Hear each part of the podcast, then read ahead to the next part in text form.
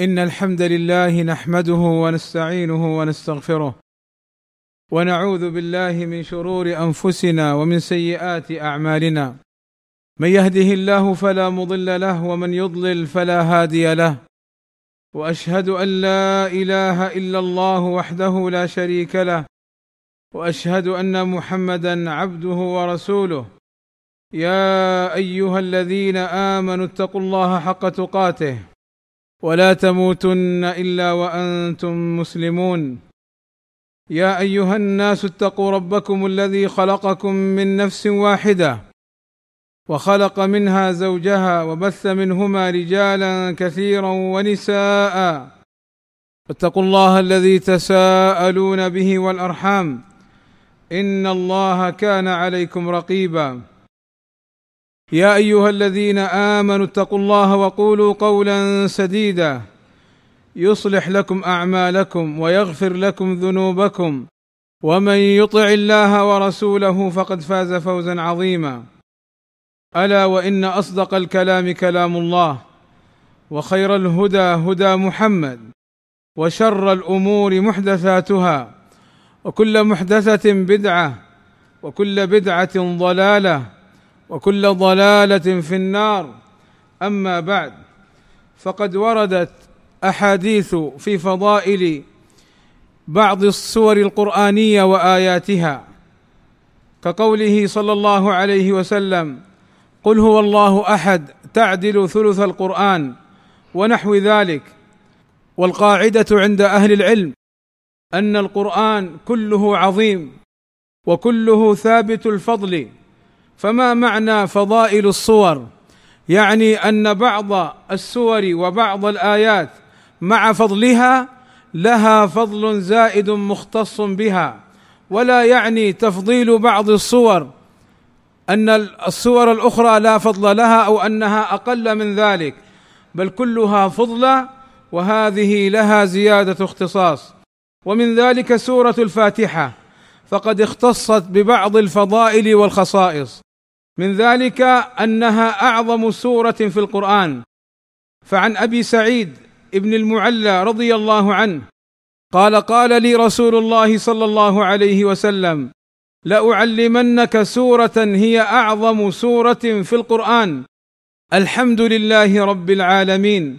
هي السبع المثاني والقرآن العظيم الذي أوتيته.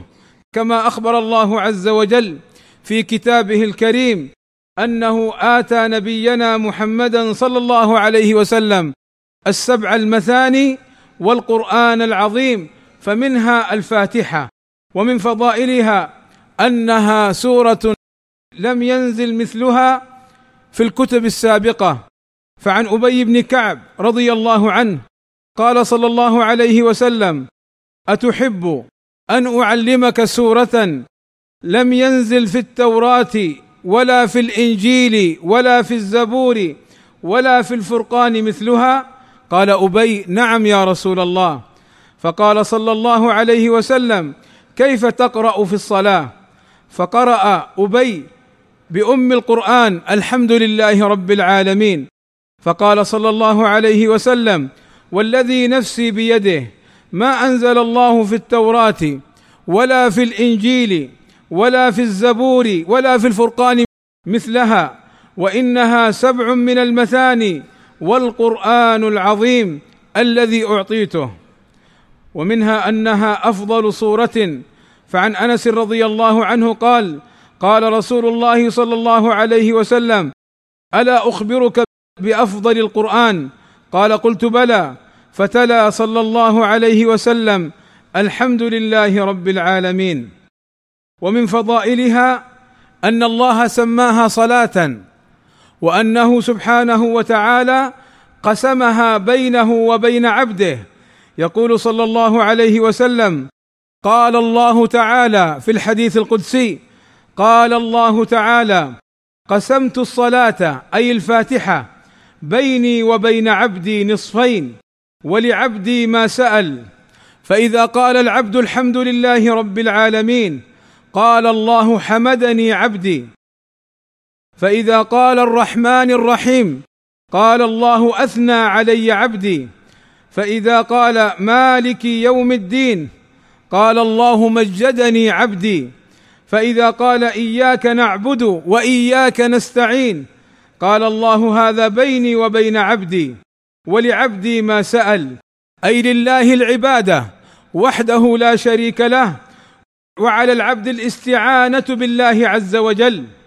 فإذا قال اهدنا الصراط المستقيم صراط الذين أنعمت عليهم غير المغضوب عليهم ولا الضالين.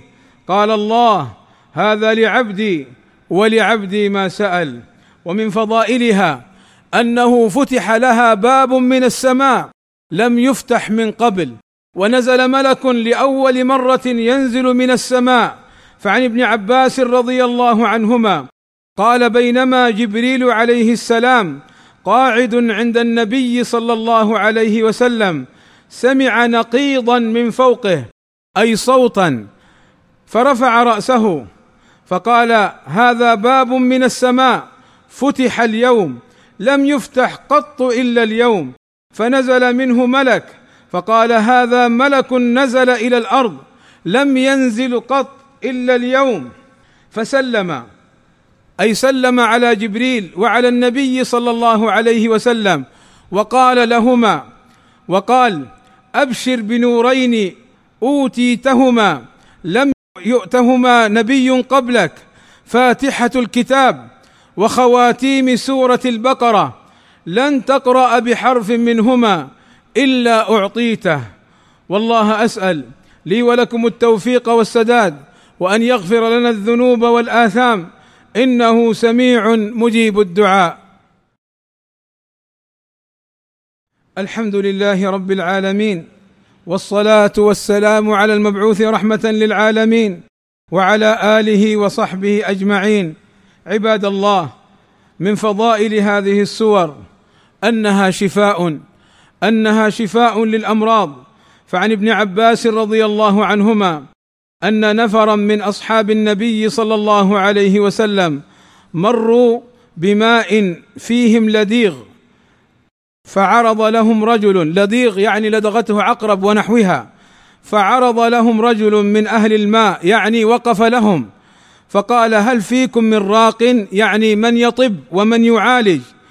إن في الماء رجلا لديغا فانطلق رجل منهم فقرأ بفاتحة الكتاب على شاة فبرأ يعني فشفي هذا اللديغ فجاء بالشاه إلى أصحابه فكرهوا ذلك. يعني أن الرجل لما رقى هذا اللديغ اشترط عليهم أن يعطوه شاة من الغنم فقرأ على المريض بفاتحة الكتاب فشفي فأعطوه الغنم الشاه.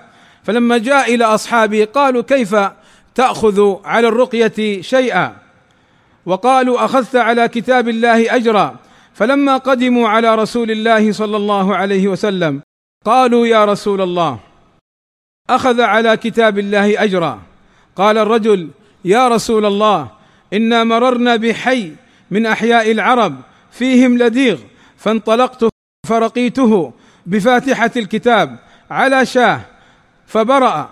فقال صلى الله عليه وسلم إن أحق ما أخذتم عليه أجرا كتاب الله عز وجل. فهذه السورة شفاء من الأمراض. وقد ذكر بعض أهل العلم أنه مرض مرة من المرات فذهب إلى الأطباء المختصين وسأل كثيرا لعلاجه فلم يجد علاجا لمرضه وكان المرض شديدا عليه.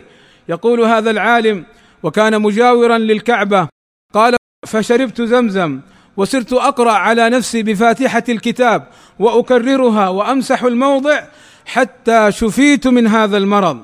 فهذه السورة علاج لأمراض كثيرة فلا تغفل عنها يا عبد الله.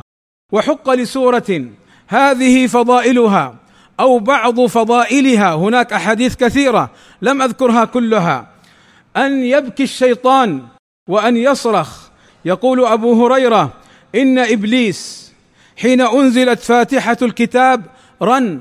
قال العلماء رن بمعنى صرخ وبكى على هذه السورة العظيمة التي أنزلها الله عز وجل رحمة للناس وحرمها هو وجنوده. لا بارك الله فيهم.